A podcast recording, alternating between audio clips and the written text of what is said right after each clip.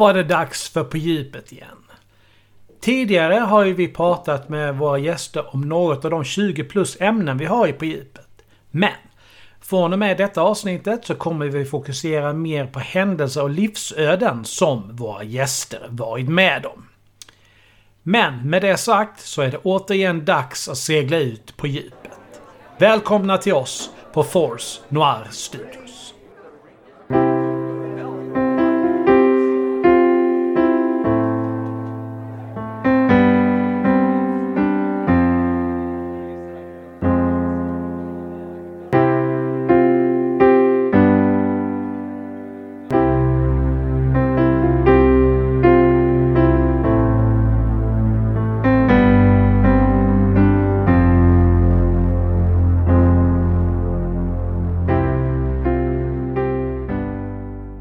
Välkomna till ett nytt På djupet här med oss på Forsna Studios. Idag så ska vi bli riktigt allvarliga. Och eh, med detta så har jag med mig en gäst idag som vanligt. Välkommen till På djupet Martin. Tack. Och det blir, jag får ju direkt så här, ska vi vara allvarliga, då har, då har, då har du fått in fel gäst. ja, men, det är, men det är ju ett allvarligt ämne, så är det. Ja, Om vi säger så. Mm, mm, mm. Sen behöver inte du vara allvarlig, absolut inte. Det är... Men vem är du? Vem jag är? Jag, jag är som, som många andra då. Jag tror ju att jag är 25, men jag fyller faktiskt 40 år, så bara det gör ju att, att jag själv har svårt att få koll på vem jag är. Uh, men förutom det så, ja, Martin bor på västkusten heter det va? Och eh, driver själv lite podcast och gör podcastjobb och klipper ljudböcker. Driver en, en webbshop som heter rekohyllan.se med ett, dels med min fru och dels med ett annat par tillsammans. Så vi är två par som driver den ihop. Ja.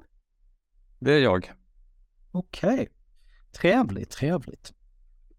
Men till ämnet då. Vi ska prata om alkoholism idag. Så är det. Och om vi då börjar med att bara titta på en definition här, så definieras det ju som ett definierat missbruk alternativt beroende. Och vad är då ett beroende? Man säger att det är en, en beroendesjukdom är en förvärvad kronisk förändring av hjärnans belöningssystem där minnen av de upplevelser som orsakade beroendet är lagrade.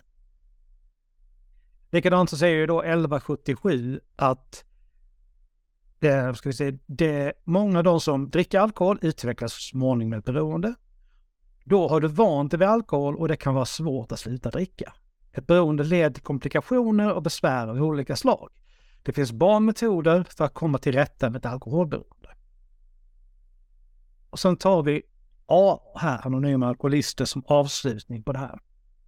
Alkoholberoende, alkoholmissbruk eller alkoholism, som vi föredrar kalla det, kan drabba vem som helst oavsett kön, ålder och inkomst och alkoholister finns i alla samhällsgrupper.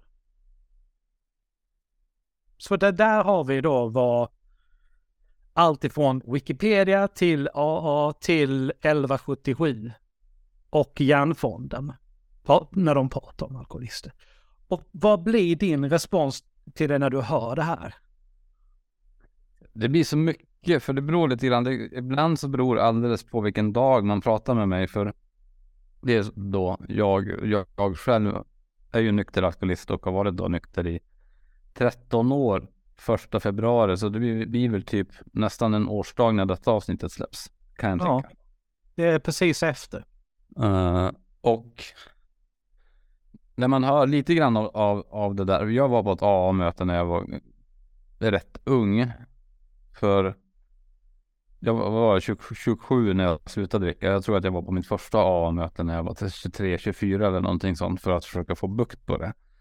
Ja, det var ingenting för mig, för det, det blir också liksom som, som 24-åring och gå in på ett AA-möte och där sitter nästan bara gubbar och tanter i min, min eh, syn som, som 23-åring att alla var liksom 40 plus och 40, alltså upp mot den åldern. Och det var ju så jävla gammalt när du är 23 år och tycker att du är jävligt ung, sexig och rock'n'roll.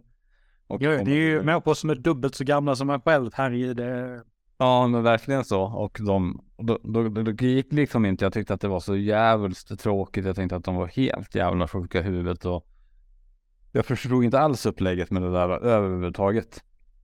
Så det, det, kan ju någonstans avskräcka vissa att kanske söka sig till sådana för det, det beror ju alldeles på vilken grupp du kommer in i, i ett sådant AA-möte. Jag har en kompis som ganska nyligen varit nykter också och har varit nykter nu ett par år. Han klarar sig ur sin beroende som alkoholist med hjälp av AA. Däremot så var han ju också 40 när han började så det kanske är en, en bättre, bättre grupp för lite äldre alkoholister. Men de här unga missbrukarna så tror jag det blir, där måste du jobba på ett annat sätt. Sen det ja. andra du läser. Fast då blir min fråga, är det på grund av att man själv då som yngre inte klarar av att ta det till sig eller är, vad beror det på tror du? Men jag tror alltså, det, dels är ju AA, det är ju byggt på en kristen värdegrund och med tolvstegsprogrammet som, som jag har förstått det. Och då, då måste du liksom, är du, är du alkoholiserad så är du förmodligen inte så jävla intresserad av kristna värdegrunder utan så, så det hamnar ju så långt bort någonstans. Att det blir liksom så här, men jag, jag tror ju inte på Guds, Guds hjälp, jag tror ju inte på de här tolvstegsprogrammen och hit och dit och fram och tillbaka. Och så sitter du där med en 45-åring som har supit bort sitt jobb, sitt hus, sin fru och sina barn. När du knappt själv liksom har fått någonting av det. Du har precis startat ditt första jobb. Du skits väl om du tappar det, för du får ju bara ett nytt jobb. Du är fortfarande bara 23-24 år gammal, eller som jag var. Så det, det är svårt att relatera till det liksom. Ja, jag tror att det är det som blir problemet, att det blir relationslöst och då kan du liksom inte ta till dig tips heller av, av den personen.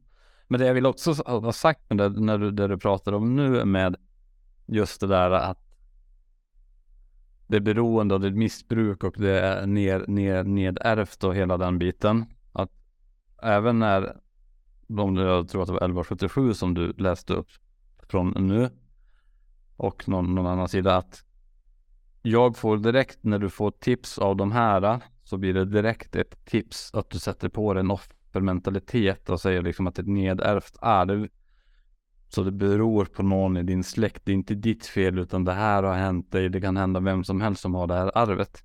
Och det köper ju inte jag för det, då är det ju så lätt att så här, skylla på ett, ett arv liksom. Att jag växte upp i ett hem med två föräldrar. Min, min mor, jag har aldrig sett min mor full. Hon har druckit kanske tre glas vin under den tiden som jag, som jag såg henne. Och pappa har kanske varit full två gånger som jag sett med, med egna ögon. Och sen var det kanske någon snaps och någon starköl på julafton. Och det är typ den alkoholkonsumtionen som jag sett som barn. Och ändå utvecklar jag ett alkoholmissbruk. Så, så det blir så här. Jag kan ju inte skylla på mina föräldrar utan mitt alkoholmissbruk. Jag kan inte skylla på mina gener heller ännu längre bort utan det är mitt eget ansvar att jag tyckte om att vara full väldigt ofta. Du menar alltså att man, att man ska äga misstaget istället för att hitta ursäkter för att skylla det på? Ja, det är, lätt, det, är, det är lättare också. Det är lättare om att det här är mitt misstag. Det här är jag som gjort fel. Och så tycker jag medmänskligheten stort idag är att jag gjorde så här på grund utav. Ja, mm. men om det alltid händer någonting utifrån då kommer du ju aldrig kunna förbättra dig själv heller. Jag har inga pengar, ingen vill ha mig, jag är singel och hit och dit. Om, om det är bara yttre faktorer, då kommer du aldrig kunna ändra på det heller. Men om du faktiskt inser att ah, jag har dåligt med pengar för jag är jävligt slösig. Jag har inte utbildat mig så jag har inte tillräckligt bra jobb som ger bra lön för de vet du, hobbyerna och utgifter jag har. Jag tar inte hand om mig själv och jag är jävligt otrevlig när jag pratar med andra människor. Okej, okay, men då kan jag ändra på det i alla fall. Då kan jag göra någonting åt det. Jag kan plugga och jag kan, om, om man vill ha mer pengar vill säga, och jag kan bli trevlig och då, då vet vi är mer omtyckt. Då äger man ju problemet själv. Samma sak mm. som med al alkoholen också att, ah, det är mitt fel att, att jag har fastnat i det jag har gjort. Då är det alltså upp till mig att ta mig ur det. Istället för att skylla att, ja men jag dricker på grund av att min pappa drack när han, när, när jag var liten och att min farfar söp ihjäl sig då är, det, då är det deras fel att jag dricker och då på något sätt gör man sig liksom att, ja men vad heter det, jag hittar inte ordet, men man skyller på dem så att man kan Mm. fortsätta med sitt missbruk istället för att liksom faktiskt fatta att man måste ändra på någonting. Alltså jag måste ju spontant säga, jag tycker det är väldigt stort av det. Det är, eh, kan inte vara lätt att äga ett sånt misstag på det viset. Så det tycker jag är jävligt stort av det. Men, Så, ja. Nej men om, om vi då börjar gräva lite grann i det här. Vad är omständigheterna då, om vi börjar där liksom till varför du hamnade där du gjorde? jag vet inte, någonstans så tror jag, jag, jag, jag är uppvuxen i en, en liten stad i Norrland. Det är jag och, jag, inte jag, men det som fanns att göra där var att spela hockey. Det, det, det är väl det som den staden är känd för, Örnsköldsvik. Mm.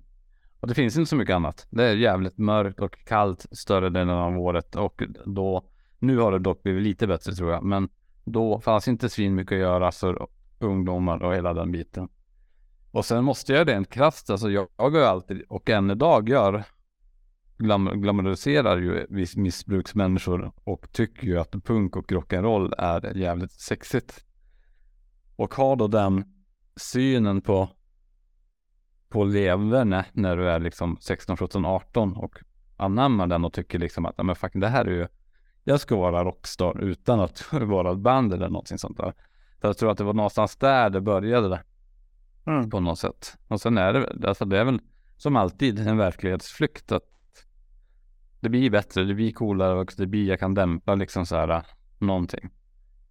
Uh, re, rent spontant hade jag velat sagt att jag drack för att dämpa min ångest, men jag tror att min ångest kom när jag drack, så det, det, den, den kan jag inte skylla på heller från första början. Det blev liksom så ett resultat av Ja, av Jag tror det. Ja. Men, alltså det, det, till att börja med, jag menar vilken tonåring tycker inte att liksom att den eller den musikern, rockstjärnan och så vidare är bland det häftigaste ont. Och Jag menar, när vi tänker på en rockstjärna idag så tror jag nog de flesta fortfarande får upp det här i huvudet med sönderslagna hotellrum och liksom droger och alkohol. Det är någonting som tyvärr har blivit allt för synonymt med, med liksom rockkulturen någonstans. mm, Och det är väl någonting som man kanske borde ändra på. Det finns ju väldigt många andra bra exempel som inte lever så hårt, om vi säger så. Så att Ja. där kan man ju börja ändra någonting och det måste ju vi som samhälle börja ändra på. Du har ju han i, här i Sverige som, nu vet jag inte vad hans nya band heter, men det finns ett svenskt band som heter Art Nation. Mhm. Nu tror jag att han kör något annat. Nu har jag tyvärr glömt bort namnet på personen jag menar också. Men han har ju aldrig druckit. Vad kan han vara? 30 bast nu och lever liksom som rockstar. Åker runt och turnerar och sjunger och hela den biten. Han, han brukar gå och beställa ett glas mjölk när han är på krogen och är på efterfester när de har haft deras stora spelningar. Så det, det går ju. Och det, det är ju också någonstans att den här hälsotrenden och att försöka vara smart och vass och utveckla sig själv. Då kan du inte dricka alkohol, det går liksom inte utan du, eller du kan inte vara fast i ett, ett destruktivt beroende. Nej, men det är ju den biten jag aldrig har gillat egentligen med att bli full. Jag menar, visst, jag har också varit full ett antal gånger i mitt liv, men de är ganska lätträknade. Och det jag inte gillar, det är just det att när man inser att nej, men jag tappar ju faktiskt kontrollen mer eller mindre helt och hållet över vad jag gör. Beroende på hur mycket du dricker självklart. Och den biten gillar inte jag. Så därför så har det liksom blivit en grej för mig att jag kan absolut, som du nämnde om dina föräldrar, ta en nubbe till liksom till jul, ett, ett glas vin till maten någon gång. Men det stannar där. Mm. Sen tycker jag att jag inte har kontroll, jag börjar tappa kontrollen, jag, omdömet börjar slinka iväg. Och jag gillar inte det. Jag gillar inte Nej. det alls. Nej, och det, så, och det är ju det här som blir så konstigt också, för jag gillade ju inte heller att vara full när jag levde mitt missbruk, utan jag gillade ju att drick, jag gillade att dricka sp- sprit och whisky och öl. Men jag gillade inte att bli full, utan jag gillade egentligen bara vägen till att bli full. Sen när jag varit full, det var inte, det är ju hemskt. Men tyvärr så blir det ett resultat hela tiden av att tycka att det är så otroligt trevligt att det blir full. Alltså resan till att bli full.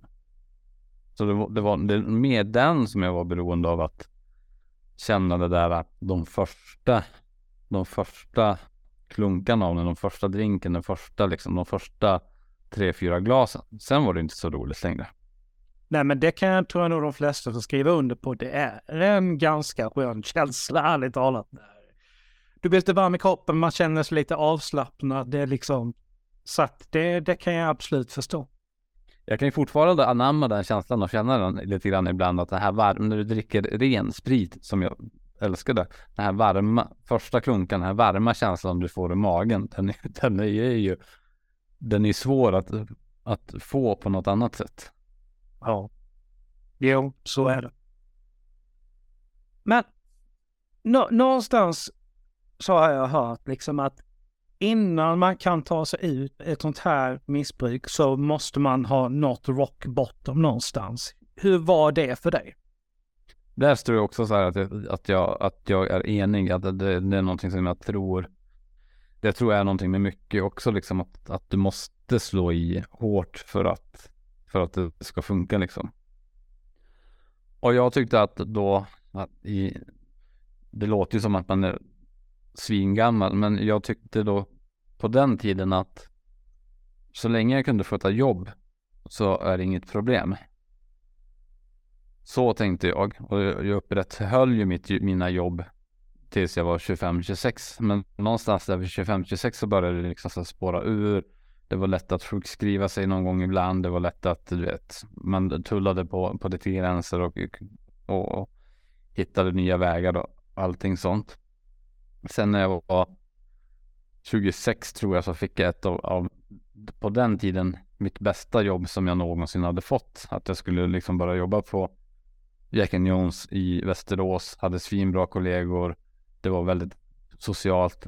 Alla vi var mellan 25 och 30. Uh, jävligt roligt och det var också på den tiden som Jack Jones faktiskt var trendigt eller vad man ska säga. Det var en cool butik liksom. Och där jobbade jag kanske bara tre, fyra, ja, mellan tre och sex månader. Tills alkohol, det, det, det liksom tog över. Och jag fick faktiskt inte fortsätta för att jag hade ett alkoholmissbruk. Så någonstans där började det då liksom att, ah, nu har det ju börjat pucka ur på riktigt. Nu dricker jag till och med bort mina jobb.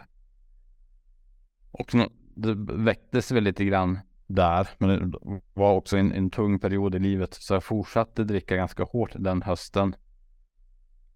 Och det som faktiskt gjorde att jag, då bodde i Eskilstuna, men det som faktiskt gjorde att jag slutade på riktigt var när jag vaknar upp en morgon och mina, mina händer är, är helt blodiga.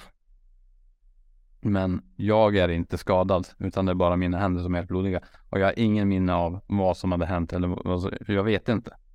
Än idag så vet jag inte vad som, vad som, vad, varför jag var blodig för. Det kan ju vara att jag hjälpt någon vid någon olycka eller vad som helst. Jag vet inte. Jag har bara in, inget minne av det. Och då bestämde jag liksom att fan, jag måste bort. Jag måste bort från den här staden. Jag måste bryta allt. Jag måste liksom så här. Jag måste bara någon annanstans. Så då ringde jag mina snälla föräldrar och berättade läget att ni får komma och hämta mig nu för jag måste komma härifrån för att det, det håller på att spåra ut, ut totalt. Och då flyttade jag upp till mina föräldrar ett tag. Avgiftade mig själv och sen efter det har jag varit nykter. Så det blir väl också så här en riktig sån rockbotten grej liksom. Ja, verkligen. Alltså jag kan bara föreställa mig den ångesten liksom att inte veta vad fan man gjort. Alltså någonting har man bevisligen gjort. Men vad fan är det? Och att inte få reda på det sen, man får ju inget, ingen closure, alltså ingen, ingen liksom, inget slut på det heller. Nej. Hur, hur har du hanterat det? Jag vet inte, alltså det, det, var, det var där och då. Jag vet inte, eftersom jag inte vet det, man, man tänker ju att det ska vara liksom att ja, det är det värsta som, men hade jag gjort någonting ant, antingen så har jag gjort någonting mot, mot någon som förtjänar det. Eller så har jag ju, ja, jag vet inte. Det känns ju som att hade man gjort någonting så hade man fått som inte var rättfärdigade hela så hade man åkt tillbaka, alltså fått tillbaka på det på något sätt. Men jag har liksom aldrig hört någonting om det överhuvudtaget. Nej. Nej, men någonstans är det så här liksom att för att allting man gör har en konsekvens, vare sig den blir stor eller liten. Och man får någonstans alltid stå till svars för det. Om det så bara är så att samvetet håller på att ta död på en liksom, så får du någonstans ta konsekvenserna och, och stå för det. Så är det ju. Mm. Mm. Men alkohol är ju inte billigt i Sverige. Så hur, hur fempan har man råd med att dricka så mycket som det ofta är? Det, och det här blir ju också, så- det kan ju inte riktigt jag. Jag var själv, levde själv och jobbade heltid. Så det, jag la mina pengar på är, var alkohol och tatueringar. Det är det som jag liksom har lagt. Det la jag mina, alla mina pengar på i, i 20 års ålder. Ja. Och ingenting mer liksom. Att det var ju det sitt. Jag jobbade, det var det också så här, för jag hade det så pass bra, för jag jobbade på en korvfabrik i Eskilstuna. Så därifrån kunde jag ta, vi fick gratis korv, eller korv som, hade, som man inte kunde sälja. Men det var en Ja, alltså, den är precis sådär. Den går inte att sälja men den är fortfarande inte dålig. Nej, precis. Ja. Eh, och då gjorde jag liksom så att jag tog hem korv, så jag hade alltid korv hemma. Och det var liksom, det var ändå bra. Det var premiumkorv, så det var inte så här dålig korv. Så bra kötthalt och hela den biten. Och så köpte Mm. jag stort, stort pastapaket, du vet, det kostar inte mycket pengar. Så hade Nej. man ju mat, så hade man ju, då hade man ju maten löst. Så resten på liksom, på missbruksgrejer. Så, så att nu, det är en dålig jämförelse, men det blev liksom nästan någonstans som att du la de pengar du hade över på en, en hobby, ett nöje liksom, inom stora citationstecken. Ja, precis. Okej. Och det Men- blir ju, alltså det blir, du hinner ju inte med så mycket annat. Du hinner ju bara med att, att, att jobba och att vara full liksom. Det är ju det du hinner med. Du hinner ju inte, det är ju inte så du hinner med att gå och gymma eller gå och göra någonting annat. Och så får du tänka liksom att min, min syn var ju fortfarande att jag var en, en rockstar och levde rockstar, rockstar-livet. Så jag, jag tycker ju att det var livets liv där och då. Och det måste man ju också ha med sig att jag ångrar ju inte de här åren som jag hade, levde med detta missbruket. Så jag har lärt mig jävligt mycket i det och jag också så här, för senare tid har jag också utbildat mig till inköpare, så jag jobbar som inköpare i ganska många år. Och den förhandlingsvanan som du får in när du säljer annat än, än alkohol och du gör lite skumma business och lite sånt för att få lite cash och lite sånt där. Va? Den förhandlingsvanan kan vara ganska bra att ha in i arbetslivet också. Även som säljare om du tänker på sådana rikt riktig sån knarklangare. De är ju skitduktiga på att sälja. Det är bara att de säljer någonting som är jävligt dåligt. Mm. Men knarklangare som vänder om sig och blir hedliga brukar ju oftast vara jävligt duktiga på att sälja grejer. Herregud, kan ju snacka om kul vem fan som helst. Nej men, det, jag brukar alltid säga så här liksom att ett misstag be, behöver inte vara ett misstag om du har lärt dig någonting av det. Så att jag är Mm. helt med dig där liksom, det är definitivt. Men det jag funderar och har funderat på rätt länge liksom är ju att reagerade inte omvärlden alltså på, på att du var full så ofta? Det är ju också problemet med att dels då att som jag bansar tillbaka till en rockstar. Mycket av mina vänner levde ju också kanske inte så alkoholiserade men ändå hade vi levde någon form av semi-rockstar mentalitet. Och det var ju lite kaos rent allmänt så. Sen är ju tyvärr just alkoholmissbruk är ju, dels är det det mest destruktiva du kan ta. Det är bättre att du röker eller gör, så röker på eller tar någon av de drogerna. Men alkohol är ju så vet socialt accepterat idag. Så det blir liksom inte så här, ah, ja, han dricker lite mycket men det är ingen fara. Alltså det, det, folk bryr sig inte så mycket om det på det sättet. Nej, hade folk säga- känt eller, eller vad ska man säga, sett eller känt att man hade rökt hasch så hade det ju blivit en helt annan uppståndelse. Det, det är ju ingen snack om den saken.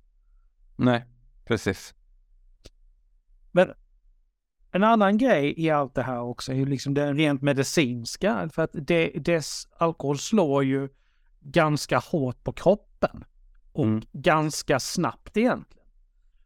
Hur, hur pass mådde din kropp under de här åren egentligen? Vet inte. Alltså, och det här är också för jag har alltid varit ganska duktig på att ta hand om mig. Så att jag mådde väl ändå så här du vet. Så jag tränade och gick på gym och lite sådana saker. Och någonstans så mådde den nog ändå rätt, rätt bra på något sätt. Uh, och det kan väl då bero på om jag kanske misshandlade sönder min egen kropp så pass mycket att att jag är av den tron nu också liksom att antingen dina celler i din kropp kan vara i två lägen och det är care and protect eller att utvecklas. Och om du missar, alltså om du totalt sätter in din kropp i ett sånt läge där den måste gå in och skydda sig själv så håller man ganska bra under lång tid. Men när du lever liksom sunt om man får säga så då, mm. då utvecklas kroppen och då kan du åldras snabbare om du gör lite fel. Men om du gör jättemycket fel så håller kroppen ändå ganska bra. Sen hade det ju inte gått heller. Alltså, vi pratar nu om en period på sju år kanske som, jag, som det var som värst. Men som allt som allt så drack jag ju i tio år. Så det är ju inte svinlång stund egentligen. Du kanske inte riktigt hade hunnit så långt att kroppen på riktigt hade börjat ta stryk? Nej, jag tror inte det. Och eftersom jag var så ung också, du vet, nykter från 27. Så det här hände medan jag var 20 och 27. Hade jag druckit däremot, hade jag däremot druckit nu från jag är 40 tills jag är 47. Då hade nog kroppen tagit jävligt mycket stryk och jag hade blivit överviktig och du vet fått den här glåmiga uh, looken som man får, rödnäsorna. Ja, nej men alltså Gudrun ska ju veta att det händer ganska mycket efter att man har fyllt 30. Liksom mellan 30 och 40 händer ganska mycket och det händer definitivt saker efter 40. Ja, det ska ju, det, menar kroppen, alltså jag menar, när man helt plötsligt säger att men jag har ju fattat att jag inte är 20 längre. Då vet man liksom att du har nått medelåldern någonstans, för du vet nej, köra två stycken kvällar ute längre, det heter inte. Skulle man köra en utekväll så är man ju för jädra däckad dagen efter så man inte vet var man är någonstans. Exakt. Som baksmälla. Så det, det händer väldigt mycket där i kroppen under, under de åren, det gör det. Mm. Så det är ju... Ja, det rent medicinska behöver vi inte gå in på. Jag tror inte, för jag tror det bara blir tråkigt. Så det skiter vi i just nu. Men du sa att du ringde dina föräldrar då och då kom och hämtade dig. Mm. Helt enkelt. Yes. Och vad hände sen? Uh, då var jag på stom ett, ett tag, i tre månader ungefär. Fort, jag drack fortfarande där, där och då, men jag försökte ändå kapa bort lite grann och göra någon form. Men förändringen kom ju liksom då. Uh, sen tog det ytterligare tre månader, tre, fyra månader. Uh, som jag flyttade, flyttade därifrån. Och uh, bestämde mig helt enkelt att nu, nu är det liksom slut på det här. Hade de några krav på dig för vad som var tvungen att ske för att du skulle få flytta hem igen så att säga? Nej, de tyckte det var skönt att jag kom hem och att jag gjorde, gjorde den här om, omställningen som de förstod så. Måste också tillägga att jag har haft världens snällaste föräldrar så de är ganska kravlösa. Och det är väl där och då var det väl bra Mm. Men ja, nej, inget. Kan, kan du i efterhand tycka att de kanske borde ha ställt några krav? Då, nej, och det, just, just den här typen av fråga, eller, så, det, det, där finns, det är klart att man kan tycka saker. Mm. Uh, men det, då, blir då, då, flyttar man fokus, då flyttar jag fokus direkt på en, två andra människor som inte kan råda över vad jag har gjort. Så det, det blir liksom så här, oavsett vad de hade gjort så hade det jag, alltså jag, jag valde det jag valde för att jag ville välja det. Vad de hade sagt, det spelade liksom ingen roll. Det kanske var bra att de inte ställde så mycket krav för att det gjorde ju att jag faktiskt vågade ringa till dem och säga att nu har du fucking, nu har du fuckat upp sig totalt. Mm. Hade de ställt varit krav och varit stränga mot mig, då kanske inte jag hade vågat ringa dem och så hade jag kanske dragit till en annan stad och fått ett ännu värre missbruk. Det vet, det vet man inte så.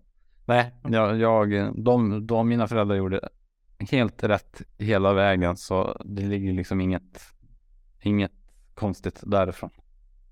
Alltså är det några som borde känna det så är det väl de. Liksom det, man känner sig själv och sen känner en, en, en ens föräldrar. Så är det ju. Liksom det. Så är det. Mm. Men hur gick resan då sen liksom till att man att du, att du faktiskt kunde säga liksom att du är nykter alkoholist. Hur såg den resan ut? Den är, och det är det här också, för den är inte så jävla, och det var också, nu kommer jag inte ihåg vad du sa där från början, att, och det, är det här som jag kan tycka lite då, nu kommer det samhällskritiska i mig fram lite grann, att när 1177 eller AA eller någon sån myndighet ska ge råd, så dels så förflyttar de fokus på någon annan, att det är ned, ned, nedärvt och det är någon annans fel att du dricker, det är lite grann det de säger. Och sen trycker de så mycket liksom på att har du ett missbruk är det jävligt svårt att komma ifrån det. Och det, det är totalt lögn på något sätt, för det är inte det enda, det enda som krävs och det krävs med vad som helst, är att hitta rätt motivation. Jag ser mig själv fortfarande som en beroende eller en missbruksperson, men sen var jag, vart jag lägger mitt fokus, det får jag bestämma bättre själv. Nu jobbar jag väldigt mycket, jag tycker om att träna, jag tycker om att ha mål och jag tycker om att ha projekt. Så jag lägger väldigt mycket tid på sånt. Så min resa där att bli nykter var liksom att de hämtade mig. Jag hade en, en, en period där på ungefär två, tre månader som var lite svävande. Där jag var både nykter och drack lite oh, hur som. Men sen du planade liksom ut det lite grann så att det Ja, på sätt och vis eller någonting så. Men sen så var det verkligen liksom så här, jag bara, nej men nu liksom, jag vaknade upp första februari. Hade dragit en sån superfylla sista januari. Men sen första februari, jag bara, that's it. Det här är liksom, det här var sista gången. Igår var sista gången som jag brukade alkohol. Och så slutade jag. Och när jag slutat, jag drack ingenting. Alltså jag var första sex månaderna kan jag ty tyckte jag var lite jobbig. Så jag försökte undvika ställen där det fanns alkohol. Jag undvek personer som jag brukade dricka med. Och skadade bort lite sånt. Men det var det. Alltså det, jag gjorde liksom inget, inget, inget mer. Jag gick ingen på, inte på några möten, gick inte på någonting. Utan det var liksom så här, så nu är det klart, nu slutar jag. Och sen efter sex månader så började jag dricka alkoholfria öl. För jag tycker fortfarande om ölsmaken. Jag har, jag har saknat spritsmaken för den har inte funnits. Men nu har det kommit ett bra komplement som heter järn som är en mhm. alkoholfri en alkoholfri vodka som smakar mm. riktigt, riktigt, riktigt ja. bra. Vänta, den har jag faktiskt hört talas om nu när du säger det. Ja. Så ja. Det, det var inte mer det var inte, och det, det är det som jag också, samma sak för jag snusade och snus, jag började snusa när jag var 16 och snusade fram tills jag var 38 och då bestämde jag mig för att sluta. Och då gick jag över på cigg ett tag, från snus till cigg för att bli av med den här snusvanan. Men jag ville fortfarande ha nikotin och tobak. Mm. Och tänkte att jag skulle röka i typ två månader. Nu rökte jag i sex månader men det var också bara där en dag jag bara så bra, nu vill jag nu liksom så här, det var min sista cigg och så hade jag bara bestämt mig. Det där kan jag känna igen mig, för jag började röka när jag var 15 år gammal. Mm. Jag var alltså hårt mobbad hela skolgången egentligen från första klass till nionde. Men innan där sommaren till, till att jag började gymnasiet, då hade jag insett att om jag gick ut till den så kallade rökrutan i precis mm. utanför skolområdet med de tuffa killarna och tjejerna som stod där. Då fick jag vara i fred. Och då slutade det med att de bjöd på en sig någonstans och sen helt plötsligt hade man börjat. Just det. Min eh, nyårsafton, det året jag hade fyllt 30, mm. så tog jag sista ciggen i paketet. Det var fyra minuter i tolv. Alltså nej, det här är sista ciggen jag tar. Och sen hittade jag ett det, var, det är ett snussubstitut som jag inte kommer ihåg vad det heter längre, som har kapat bort alla de här skadliga ämnena, alltså är, är, eh, har bara kvar nikotinet, men har antioxidanter, massa andra grejer istället. Tog, tog det sex månader ungefär och sen kunde jag sluta helt. Mm. Så att jag kan känna igen med det där, alltså väldigt mycket i det du säger. Mm. Och man måste, och det just det, och det är det här som jag tror att det är svårt att sluta med ett missbruk så som de beskriver det om det bara slutar tvärtom och ingenting annat. Att du så här, från ena dagen, från ena dagen så ska du, du ha levt på pizza och chips och godis och så nästa dag så ska du börja äta grönsaker och morötter och ingenting annat. Den omställningen blir för extrem. Ja, kroppen kommer ju protestera så det, så det ryker om att den, den vill inte vara med överhuvudtaget. Så Nej. Men kan du göra så då, liksom att om du arbetar bort vanan först Och sen tar du ett med liksom problemet som du gjorde. Du gjorde tvärtom då. Du gick från cigg till snus. Och du fick, då fick du bort den här äh, vanan med att gå ut och tända cigg. Och Mm. den är ju god. Alltså det kan jag också än idag. Jag kan än idag tycka också liksom att jag hade jättegärna velat snusa. För jag tycker att det är gott att snusa. Tre gånger per dag. Det är gott att snusa första snusen på morgonen. Det är gott efter lunch och det är gott eftermiddag. Efter middagen. Eh, Mm. Men Ja, ja, visst.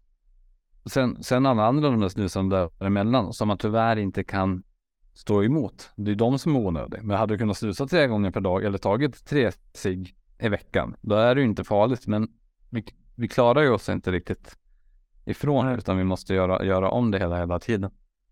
Nej, men alltså det, vi snackar ju så beroendeframkallande substanser så att hade, hade ju något, alltså jag är ju övertygad att om både snus, cigaretter eller kaffe för den delen, Mm. att om han hade kommit fram med det idag, så hade det blivit totalförbjudet. Alltihopa som en gång. Ja. För att, för att du, nej men du, du ser ju tydligare idag med så långt vi har kommit inom all forskning hur pass beroendeframkallande det är. Mm. Så jag tror inte, att jag tror, jag tror det hade bara liksom tvärt blivit. Det- Din, din tes håller inte riktigt då vi, då vi faktiskt har skapat telefoner och skapat ett, ett väldigt beroendeframkallande beteende med en telefon och det, det är ju inte förbjudet utan det trycker man ju på och gör dem ännu mer beroendeframkallande och våra, vad det nu heter, toxiner eller vad fan det heter i hjärnan blir ännu mer attraherade av, av det här. Så att jag trodde också att man kunde säga, hade det här kommit för 25 år sedan så hade man förbjudit det, men jag är inte lika säker längre då man faktiskt låter folk sitta med mobiltelefoner 24 timmar om dygnet. Jag vet inte, det, det, det kanske beror på mitt jobb, men jag har inga större problem med att låta telefonen vara. Men det är ju så liksom jag som jobbar personlig assistent, jag måste ju ha fokus på brukaren hela tiden. Därmed kan inte jag sitta med telefonen. Mm. Visst, absolut, man checkar telefonen lite då och då. Men du sitter ju inte med den i klistrad näven som man ser vissa ungdomar, jag som nästan ungdomar idag, som nästan går in i en på gatan för att de inte tittar vart de går någonstans.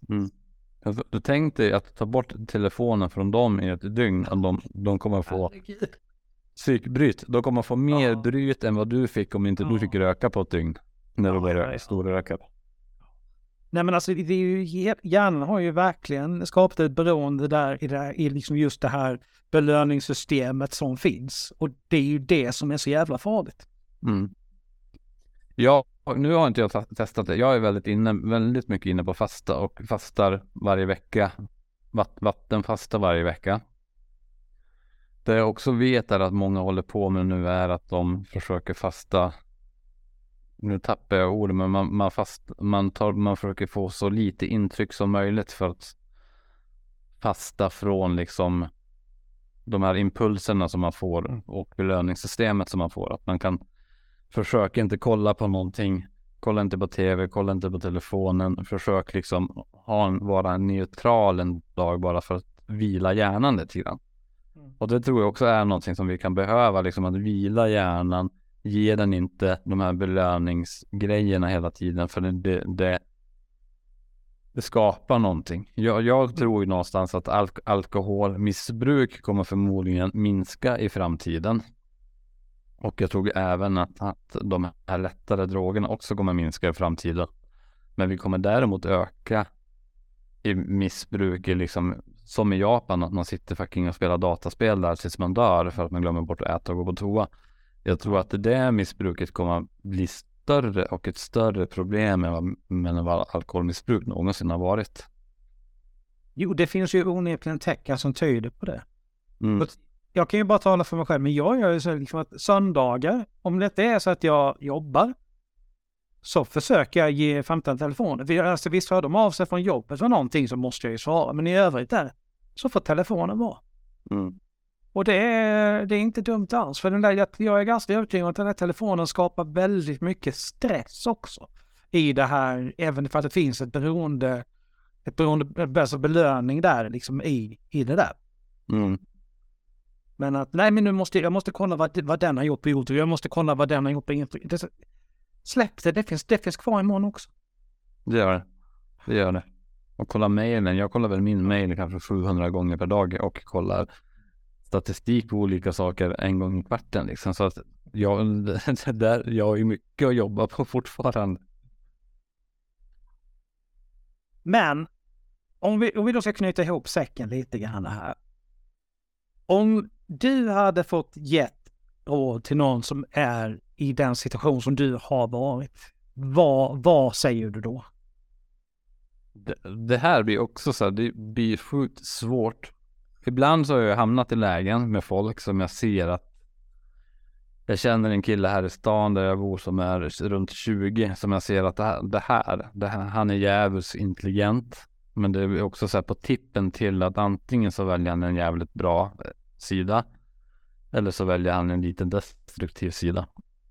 Så där måste man ju nästan vägleda hela tiden på ett sätt liksom att belysa vad bra det är att inte välja den destruktiva sidan utan vä försök välja den som är mer utvecklande. Utveckla dig själv. Mm. Du vill väl bli den bästa versionen av dig själv. Bli smart, bli liksom kreativ. När du väljer det destruktiva så kan du inte bli kreativ.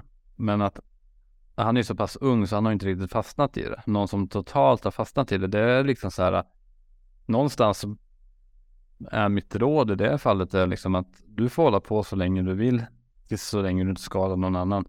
Den dagen du hittar motivation, ta då den dagen och verkligen gör någonting åt det. Låt inte den dagen spillas bort till ingenting, utan men att försöka få någon att sluta med ett missbruk som inte har motivationen på rätt ställe. Där kommer du bara förvärra det om du tjatar på den eller om du ger en glidningar eller någonting. Det är bättre bara så här. Låt den, låt den tills motivationen kommer. Och låt också så här.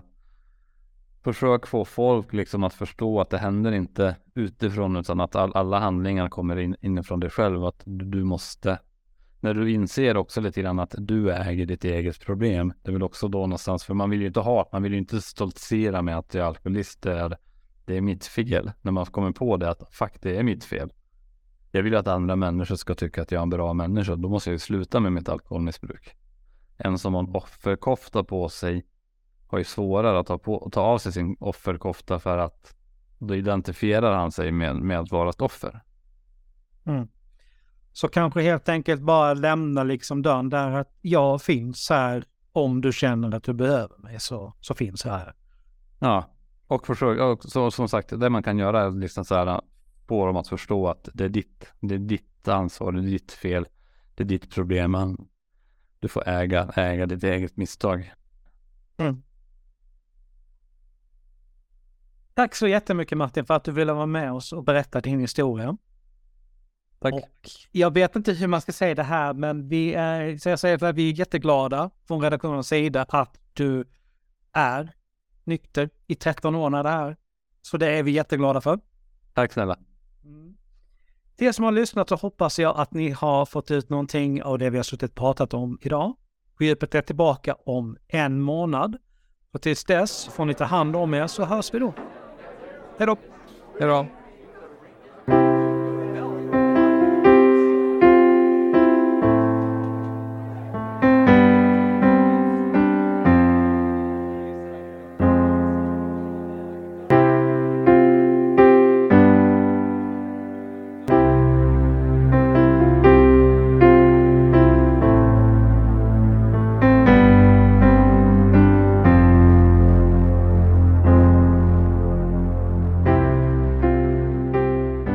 Tack för att du lyssnat på dagens avsnitt. Musiken är gjord av Imaginary Stars Production. Vi skulle uppskatta om ni gillade våra inlägg på Facebook, Instagram och Twitter då det hjälper att motivera oss i det vi gör. Vi skulle ännu mer uppskatta om ni gick in på Spotify och gav podcasten ett betyg för det hjälper oss att synas i deras flöden. Ta hand om er så hörs vi snart igen. Stay tuned!